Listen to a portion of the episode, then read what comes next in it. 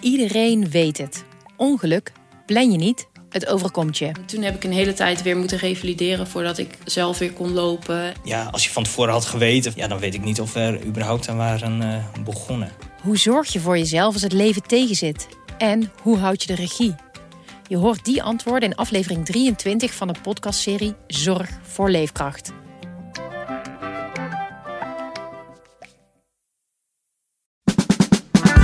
Dit is de podcast Politiek Dichtbij. Met Tobias den Hartog en Thomas Brouwer. Rutte 4 leeft nog. Voorlopig dan. Het kabinet was al een verstandshuwelijk, maar nu lijkt de liefde tussen de coalitiepartijen echt voorbij. D66 en het CDA staan inmiddels lijnrecht tegenover elkaar als het gaat om het stikstofbeleid. Tijdens een marathondebat steunden bijna alle oppositiepartijen een motie van wantrouwen tegen het kabinet. Die haalden het niet. Het kabinet lijkt tijd te hebben gekocht, maar zijn ze nog in staat om de problemen in Nederland echt aan te pakken? En betekenen de eisen van het CDA een kabinetsval in slow motion of kan Mark Rutte dat nog voorkomen? Dat en meer bespreek ik met Tobias den Hartog en Hans van Soest. Ja, Tobias, ik zie je kleine oogjes. Ja, het was een lange week. Het was een lange zit. Een lange week, een lange zit. En dat gaat je niet in de koude kleren zitten. Ook bij Kaag en Rutte niet trouwens, uh, Hans. Uh, nee, uh, Kaag die hoor ik eigenlijk. Die was vorige week vrijdag toen deze, deze week eigenlijk begon al grieperig. En die klinkt de hele week al niet uh, uh, heel fris. En ja, Rutte die was voor het eerst in 13 jaar, hè, in elk geval een dagje uh, moest hij zich ziek melden. Hij was weliswaar op zijn ministerie, maar ik begreep dat hij daar over zijn nek moest is gegaan. Hij was gewoon echt strontziek. Unicum. Alle details willen we horen. Iedereen is, iedereen, iedereen is echt gewoon gesloopt. Ik ja, denk zo langzamerhand in Den Haag. Ik denk dat Rutte in zijn telefoon heel diep moest graven naar het nummer van uh, PNO. Van uh, waar meld ik muziek? Want ja. dat is, is, dus nog nooit gebeurd. Ja, dat is echt... Kijk, nou, dat heeft het is ook wel heel ja, ironisch of grappig. Of welk woord je erop wil plakken. Want Rutte heeft natuurlijk ook van die ja, dit, zijn energie heeft hij ook een handelsmerk gemaakt. Hè. Het is altijd, uh, altijd dat lachen en uh, hoi hoi en door. En... Zelfs in de winter uh, loopt hij met zijn jas open en ja. een, het bovenste knoopje, knoopje van zijn los. ding het is, los. Het is ja. altijd energie wat hij wil uitstralen. En, en ja, dat is ook niet, ik bedoel, het is niet uit de lucht gegrepen. Hij is dus ook bijna nooit ziek. Als je, ik ben even het krantenarchief ingedoken en dan moet je terug naar 2007. Dat hij ergens in een interview zei van ik had vorige week griep en ik lag een week op bed.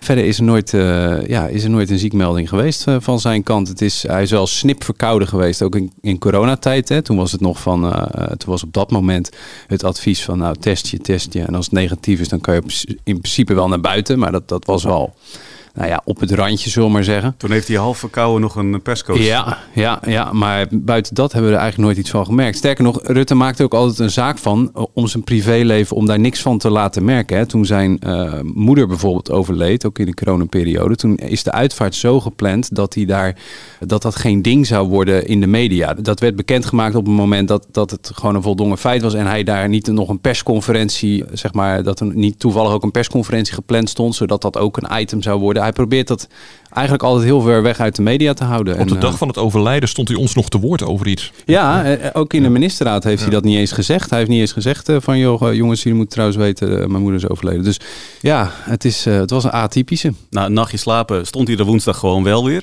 Of hij na woensdag nog volledig kon slapen, dat bespreken we straks. Want het begon eigenlijk allemaal met een compromis dat het kabinet eind vorige week sloot. Nadat duidelijk werd dat het CDA het regeerakkoord wil openbreken. Wat onze overtuiging is dat de behoefte om meer snelheid te maken, uh, dit snel op te lossen, juist voor heel veel discussie heeft gezorgd en er mede de oorzaak toe is geweest dat we eigenlijk vooral heel veel tijd verloren hebben. En dat is dus een steen in de schoen die niet helpt uh, als je toe wil naar natuursteun. We gaan juist de versnellingsknop indrukken, geen pauzeknop.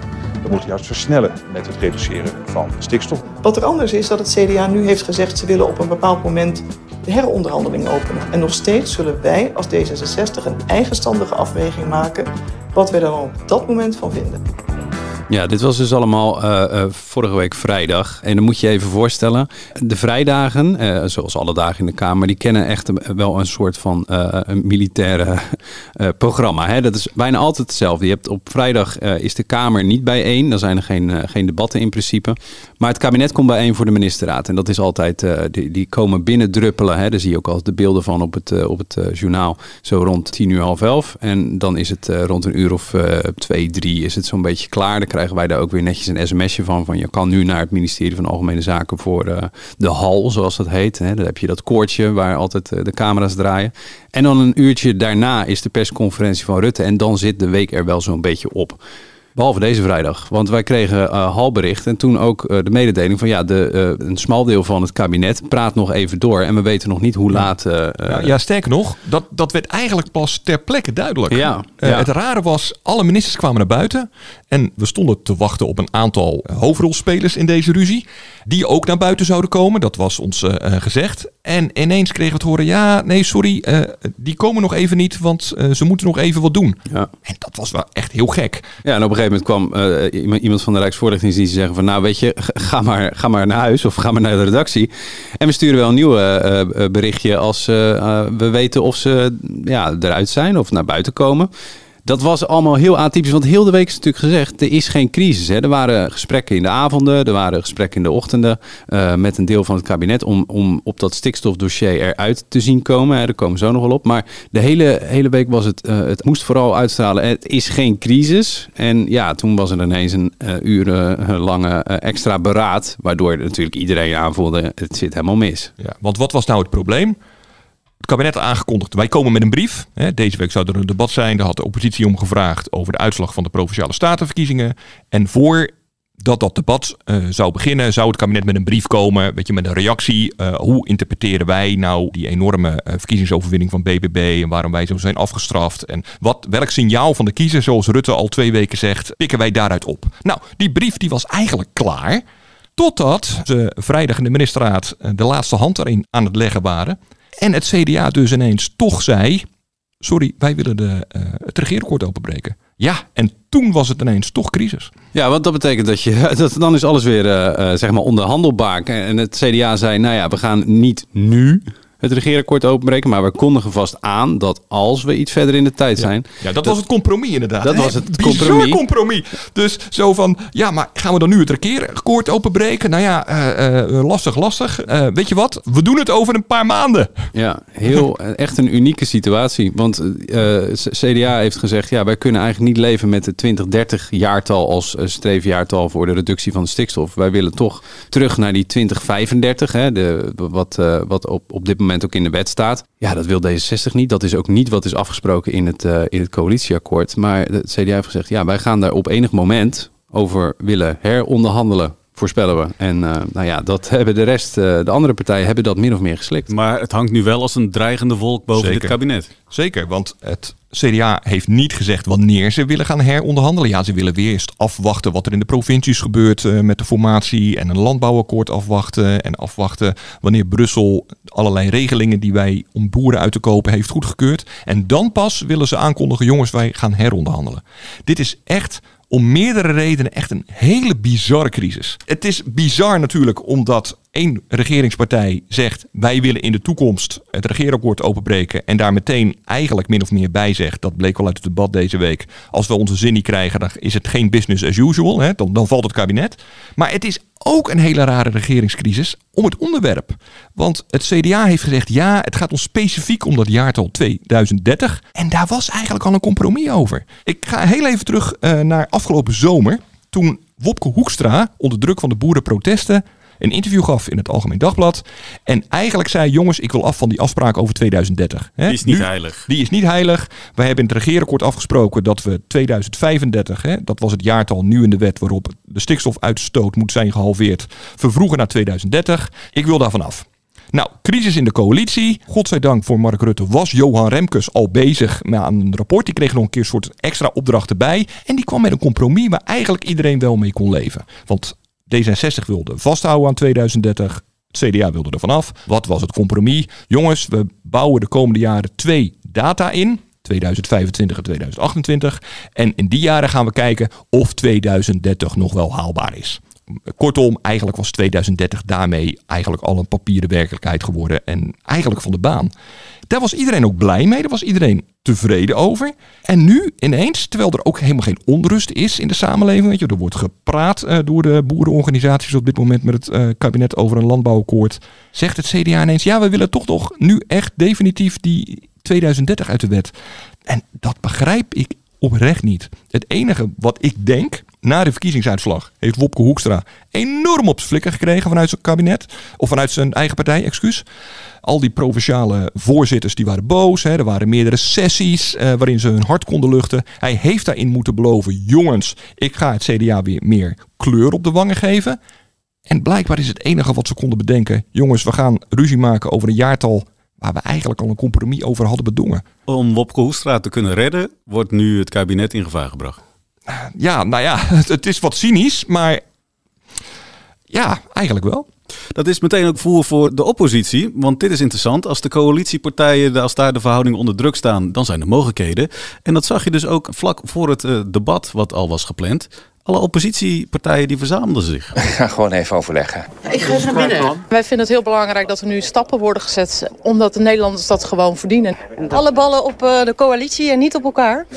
Nou ja, kijk, de coalitie is natuurlijk wel het belangrijkste onderwerp hier. Dit was al opmerkelijk, toch, Tobias? Ja, dit hebben we al een tijdje niet meer gezien. Kijk, je had in het, uh, in het verleden hebben we wel eens... Uh, Pechtold initieerde dat ook wel eens, hè, dat je... Uh, treintjes maakt om bewindspersonen te ondervragen. Hè? Dat, dat, dat je dan de een stelt een vraag en komt daar geen goed antwoord op, dan stelt de ander min of meer dezelfde vraag, zodat er constant op een bewindspersoon wordt ingebeukt van geef nou toch eens antwoord op die vraag, hè, als het echt op een pijpunt zit. Dat hebben we een tijdje niet gezien en het is ook wel opmerkelijk, want de Kamer is eigenlijk ook verdeeld als het op stikstof aankomt. Hè. Je hebt de linkse partijen die eigenlijk willen dat er uh, wordt versneld en dat 2030 wordt vastgehouden. En je hebt partijen die vinden heel die stikstofaanpak uh, totaal overbodig. Hè. Neem de PVV en jaar 21. Dus dat ze bij elkaar kwamen om zeg maar een afspraak te maken van jongens, we gaan elkaar niet aanvallen. Hebben ze in het debat ook niet gedaan. Hè? Dus ik bedoel, ze hebben elkaar dingen horen zeggen waar ze totaal niet mee eens waren. Maar dan zijn ze niet naar de microfoon gegaan. Nee, spaar je energie, spaar de tijd op voor de coalitiepartijen en voor het kabinet. Dat hebben ze gedaan en dat is best opmerkelijk. Ja, uh, volgens mij op initiatief van uh, Adje Kuiken van de PvdA en Pieter Omtzigt, uh, zelfstandig Kamerlid. Want die zeggen dan, jongens, laten we even van tevoren bij elkaar in een hok gaan zitten en de strategie bepalen. Ja, en nu en dat wordt dan rondgeappt van. Uh... Ja, ja, en nu heb je dat wel eens op de gang, weet je wel, van joh, welk punt ga jij zitten? Oh, ik ook. Oh, die ook. Nou, weet je, dat, dat gebeurt natuurlijk wel eens, maar even zitten met koffie en het heeft geen uren geduurd, maar even de neuzen dezelfde kant op, dat, is, dat is een tijd geleden. Ze weten het niet meer. En kijk ze daar nou zitten. Helemaal vast. Verlamd. Ik ben verloren in een heel diep donker bos. Dan zijn we bezig met een totale poppenkast. Is de VVD voor het heronderhandelen of is de VVD tegen het heronderhandelen? Voor de VVD geldt de afspraak zoals die staat. Nederland heeft een stabiel kabinet nodig. Het is nodig dat we nu helderheid krijgen waar provincies mee moeten werken. Of het regeerakkoord staat of dat we inderdaad de gijzelingstouwen van de heer uh, Hoekstra hangen. Ga gewoon met elkaar de hei op. Wat er nu gebeurt is proberen iets bij elkaar te houden wat niet bij elkaar te houden valt. Meneer Rutte, regeer of stap op. Ja, die, ja, die was wel heel erg ingestudeerd, hè? Ja, dit, dit, hiervoor moeten we even terug naar het uh, uh, laatste kabinet Balkenende. Zeker, ja. Toen was Mark Rutte oppositie, uh, zat hij in de oppositie namens de VVD. En toen zei hij tegen uh, Balkenende precies datzelfde. Regeer of stap op. En toen kwam hij met een motie van wantrouwen. Ja, waar toen nog heel klaar... erg uh, van werd geschrokken. Hè? Bedoel, ja, dat was hoe. Nu kwam Klaver ook met een motie van wantrouwen. En ja, daar schrok eigenlijk niemand van. Nee, nee. Een beetje tijden zijn veranderd. Een botmes geworden, ja. Hm. ja. De oppositiepartijen die trekken dus vol de, de aanval in. Die hebben dat, die, die treintjestactiek. Hè? We gaan ja. de, steeds dezelfde punten voorleggen. Wat komt dan vooral naar voren? Is dat dan inderdaad D66 CDA, VVD die uit elkaar proberen te spelen? Ja, met name bij het CDA van wat bedoelen jullie nou? Uh, gijzelen, gijzelen jullie dit kabinet niet? Uh, en bij D66, joh, pikken jullie dat, pikken jullie dat? Ja, het is, uh, als je het helemaal verkleint naar een schoolplein, is het ongeveer dat. Ja. Waarbij inderdaad de linkse partijen heel erg op het CDA gingen inhakken. Van, ah, belachelijk wat jullie doen en dit en dat en stikstof zo belangrijk. En de rechtse partijen juist heel erg op D66 gingen inhakken. Van, belachelijk dat jullie die wensen van CDA blokkeren. En uh, het is toch juist, kijk naar de verkiezingsuitslag. BBB heeft gewonnen. Dus nou ja, het is maar net hoe je de verkiezingsuitslag uitlegt natuurlijk. Maar mensen willen ook een ander stikstofbeleid. Dus ja, het was in zoverre voorspelbaar, maar het ging er wel hard aan toe. Ja, kwamen de regeringspartijen daar ook een beetje uit? Nou, ligt eraan hoe je er naar kijkt. Ik denk dat ze die wankele boodschap waar ze vrijdagavond mee naar buiten kwamen, die hebben ze op zich wel staande gehouden. Hè? Iedereen legt het toch nog een beetje uit in zijn eigen voordeel. Dus D66 zegt, ja jongens, zolang het CDA niet heeft willen heronderhandelen, staat 2030 gewoon overeind in het akkoord. Uh, staat dat ook in een wet die er aankomt. En uh, tot die tijd uh, werken we daarmee. Dat is ook wat VVD-minister Van der Wal overigens zegt. En de VVD zit er een klein beetje hetzelfde in. Ja, en het CDA zegt, ja luister jongens, uh, prima. Uh, laten, we, uh, laten we maar kijken waar we staan over een paar maanden. En dan kunnen we gaan vragen te heronderhandelen. En nee, dat, dat hoeft geen probleem te zijn tot die tijd. Ja, die, die boodschap is toch wel redelijk overeind gebleven. Ja, maar dat maakt hem nog niet begrijpelijker. Nee. Want je moet je voorstellen wat provincies nu moeten doen. Provincies moeten voor 1 juli met plannen komen. Hoe pakken wij de stikstof aan in onze provincie? Hebben ze tot 1 juli de tijd voor. Eh, ondertussen lopen daar ook die formaties. Dus dat, dat speelt allemaal op elkaar in. En wat zegt Rutte nog eens een keer tijdens dat debat? Ja, we hebben een regeerakkoord, daar staat 2030 in. Weliswaar is dat getal al lang niet meer heilig door het compromis wat al was gesloten. Maar toch, daar beoordelen we alle plannen op van de provincies. En die provincies moeten nu dus plannen maken met, een, met in hun achterhoofd dat het CDA, nadat ze die plannen hebben ingediend, het regeerakkoord wil heronderhandelen en die deadline van 2030 misschien wel weer 2035 wordt.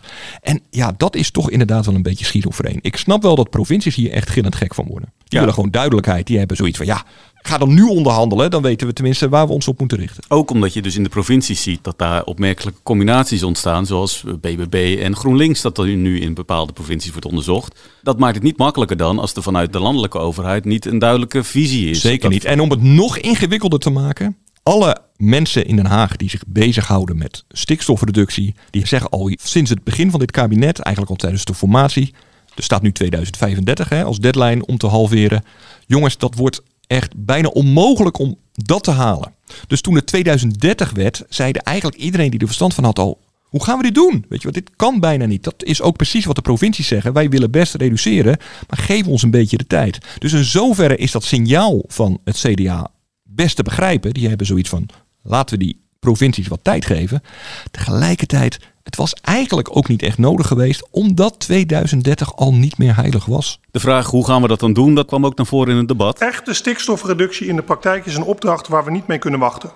Het CD CDA is daarbij van overtuigd dat een deadline op 2030 daarbij niet helpt.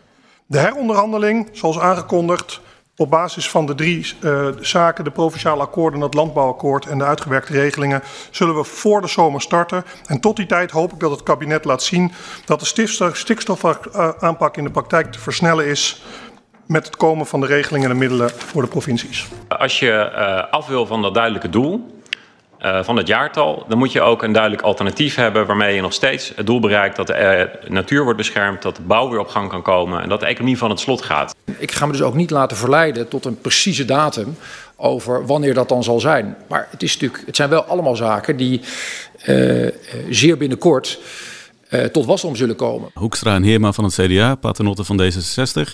Ja, Paternotte die vraagt, uh, nou kom dan maar met een alternatief. Dat heeft het CDA niet, hè? Nou, sterker nog, hier hebben de commissie Remkes naar gekeken. En die zegt ook, ja, ik zie niet heel snel alternatieven, behalve dan dat we heel snel moeten beginnen. En dat is dan weer waar alle vier de regeringspartijen elkaar wel op vinden. Die zeggen ook alle vier, laten we nou maar snel beginnen en dan zien we wel hoe ver we komen. Dus misschien komen ze er ook uiteindelijk wel uit hè, met een of andere semantische bezweringsformule waarin iedereen een klein beetje zijn gelijk kan claimen. Maar de verhoudingen zijn wel echt, echt goed ziek. Ja, en dus is het hopen misschien wel op provincies en landbouworganisaties die dan iets voor elkaar weten te krijgen, waardoor het CDA toch nog kan zeggen voor de zomer, nou, op dit, Ja. dan komt het kabinet er doorheen. Als dat nou niet gebeurt, wat betekent dat dan voor het CDA en het kabinet? Nou ja, als, dat, als er echt eh, niks gebeurt, dan eh, hebben ze alle vier een probleem. Want laten we wel wezen, die t- 2035 is bijvoorbeeld dus al heel moeilijk. Als je kijkt naar een pro- provincie in Overijssel, die, hebben, die hebben daar een plan voor geschreven. Die hebben gezegd, nou 2035 is op zich haalbaar, maar kost je heel veel meer geld. Echt het dubbele. En, en dan hebben we het over miljarden. Hè? Dat, zou dan de realiteit worden in eh, meer provincies. Hè? Dus het feit dat het zo lang al heeft geduurd, ja, dat maakt ook dat het waarschijnlijk duurder wordt. En ja, dat het niet heel veel sneller gaat dan tot dusver mogelijk was. Het enige waar andere partijen uh, het CDA nog wel een klein beetje op kunnen vinden, zijn die regelingen. Hè? Als er inderdaad woest aantrekkelijke goudomrande uh, uitkoopregelingen komen, die ook mogen van Brussel, dan zou het misschien best wel eens kunnen helpen om een aantal belasters, ook onder de boeren, onder bedrijven, om die uit te kopen. Uh, en, en dat zou heel snel heel veel ruimte kunnen creëren. Maar ja, dat is wat je, je hoort het al, uh, dat is nog wel als dit en als dat en als zus en als zo. Maar dat is geen duidelijk alternatief plan, maar dat is nog wel een soort van, nou ja, er zit een, een sprankje hoop. Maar ja, of dat gaat lukken is, uh, is zeer de vraag. Nu was het uh, debat, de officiële titel was het eerste debat na de uitslag van deze provinciale statenverkiezingen. Er is uh, ook wel een hoop veranderd in de Kamer zelf, hè? Nu. Je bedoelt, je Qua doelt de op de verhoudingen. Ja, nou ja, het is natuurlijk wel zo dat Caroline van der Plas hè, van BBB heeft maar één zetel. Normaal gesproken ben je dan geen factor van belang. Maar dat is ze nu natuurlijk wel. Ondanks haar ene zetel heeft ze door haar, doordat ze heeft bewezen bij de provinciale statenverkiezingen echt enorm veel aanhang te hebben in het land. Natuurlijk wordt ze wel ineens een stuk serieuzer genomen door iedereen. Ja, dat merk je in alles. Waarom beschouwen we Nederland niet als ons grootste adviesbureau? Hè? De burger of de overheid is er voor de burger en niet andersom. En dat vraag ik op een hele normale manier. En dan word ik hier weggesneerd. En dit is misschien ook precies een van die dingen waarom mensen de oude politiek helemaal zat zijn.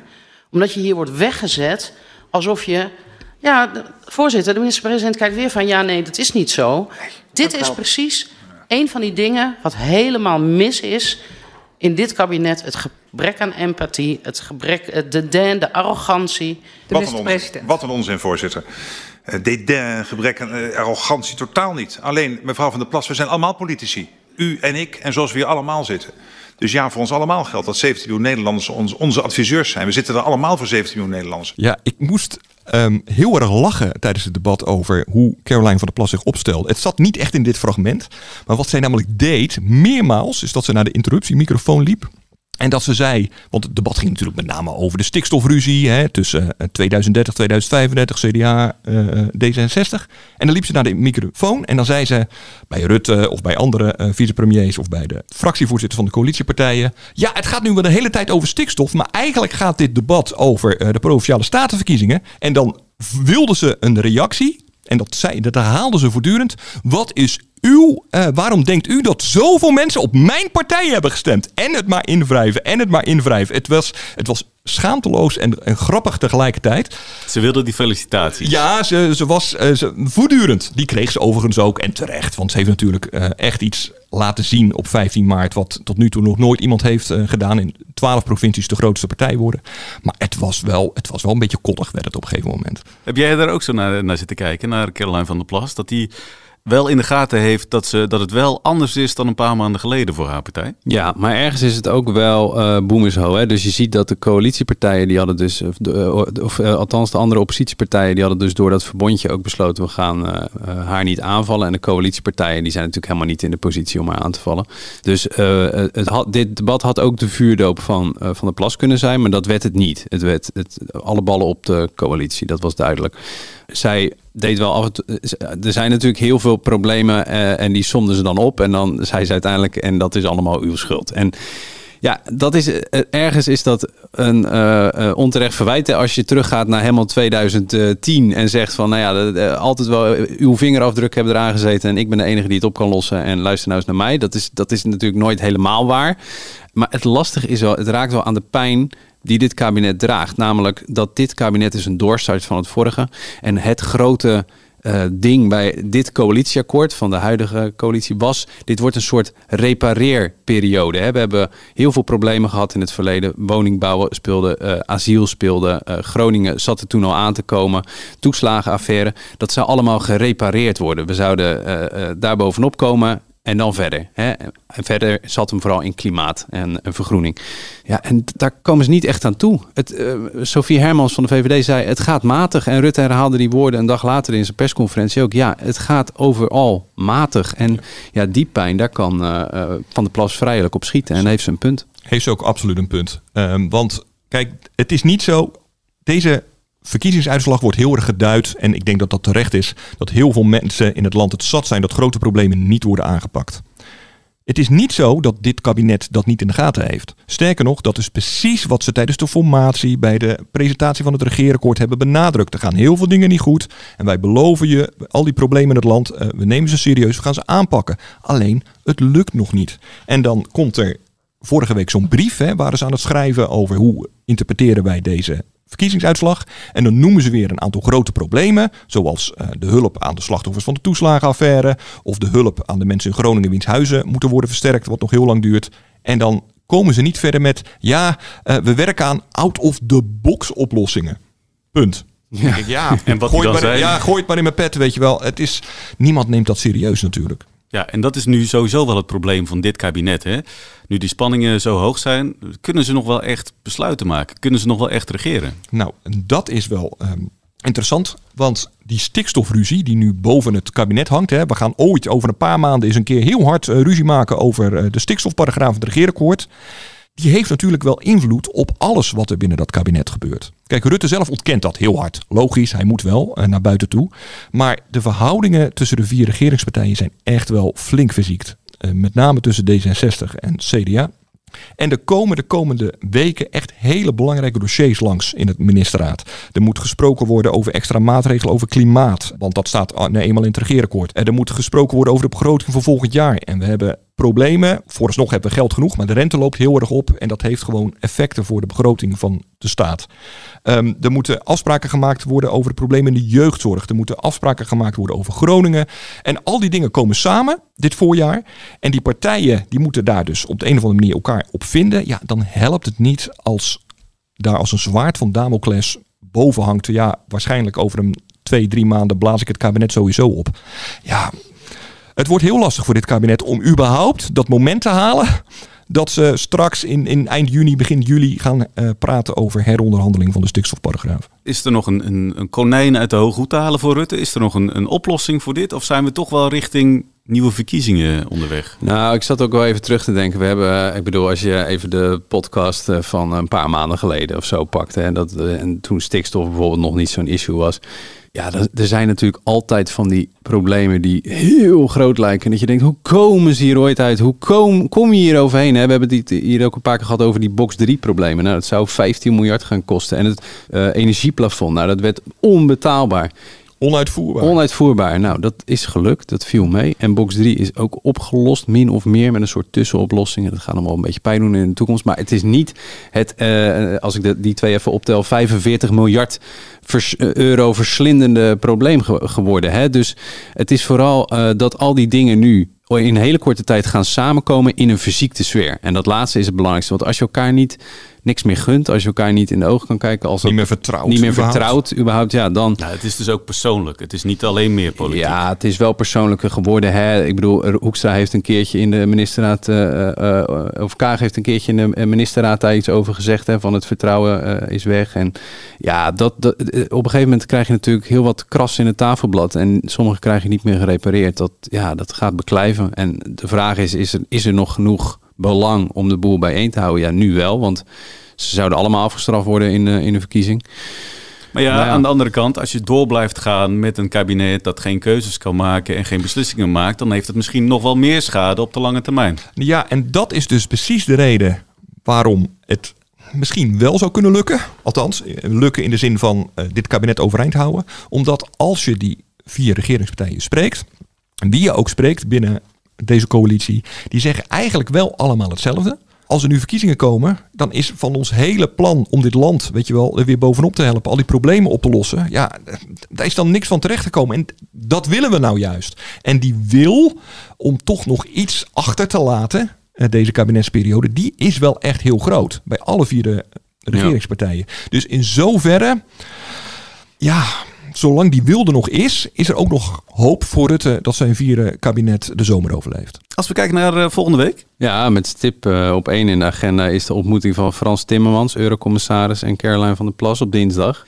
Hij ik komt- begin weer te lachen. Gewoon. Ja, Ik ja, het jij vindt het, eh, keer ook al. Zijn jullie er al uit wie daarbij mag zijn? Ja, Marcia en Wouter gaan er. Ah, eh, jullie hebben de dit verloren. eh, Jullie zijn niet straks de fly on the wall. bij Nee, dit, maar eh, we gaan wel genieten. Nee, ja, dat is heel bijzonder natuurlijk. Onze eurocommissaris eh, die komt eh, aan een oppositiekamerlid, een eenmansfractie in het parlement uitleggen eh, waarom Brussel doet wat het doet op eh, het gebied van klimaat en stikstof. En eh, ja, dat is echt een hele bijzondere figuur. Absoluut. Maar tegelijkertijd, kijk, we kennen allemaal Frans Timmermans als een man met tomeloze ambitie. En het feit dat een, een eurocommissaris naar een eenmansfractie in een deelstaat gaat om daar een gesprek mee te hebben, om nog eens een keer hè, de plooien glad te strijken. Ik kan dat niet helemaal loszien van de ambities van Frans Timmermans om na zijn eurocommissariaat, tenminste als het kabinet niet al veel eerder is gevallen en als het plan in duigen vallen, hij op het schild wordt gehezen als de nieuwe leider van de GroenLinks-PvdA-combinatie. En die de verkiezingen eh, eh, moet gaan winnen voor links. Ja. Dat is wel zijn grote droom. En of dat gaat lukken, weet ik niet. Met de Europese verkiezingen. Kijk, dat is waar ook binnen linkse partijen, hè, als je praat met mensen dus bij GroenLinks en PvdA, zeggen ze wel allemaal, want het is nog helemaal niet, weet je, ze weten zelfs nog niet eens wie de fractievoorzitter gaat worden van die gemeenschappelijke fractie in de Eerste Kamer. Dus eh, stel je ook weer niet te veel voor van de plannen van de samenwerking. Maar ze zijn wel, als je me- mensen erop aanspreekt, joh, wie moet die nieuwe fusiepartij eh, gaan leiden, dan zeggen ze wel allemaal, nou ja, Timmermans die heeft in 2019 wel bewezen dat hij stemmen kan trekken. Dus daar is wel, heel veel mensen houden in hun achterhoofd al rekening met zijn terugkeer naar Nederland. En ik denk eerlijk gezegd, hij zelf ook. Hij is nu al een klein beetje eh, bezig met zijn persoonlijke verkiezingscampagne van kijk mij eens heel even, man boven de partijen. Eh, eh, ik ben een bruggenbouwer. Eh, ik ga zelfs met Caroline van der Plas in een kamertje zitten. Dus te midden van de puinhopen van eh, Rutte 4 eh, kandideert hij? Timmermans zich als de toekomstige premier. De verlosser. Ja, de verlosser. El Salvador. Tot zover deze aflevering. Vind je dit nou een leuke podcast? Abonneer je dan. Dat kan via Spotify of Apple Podcast. En volgende week, dan zijn we er weer. Tot dan.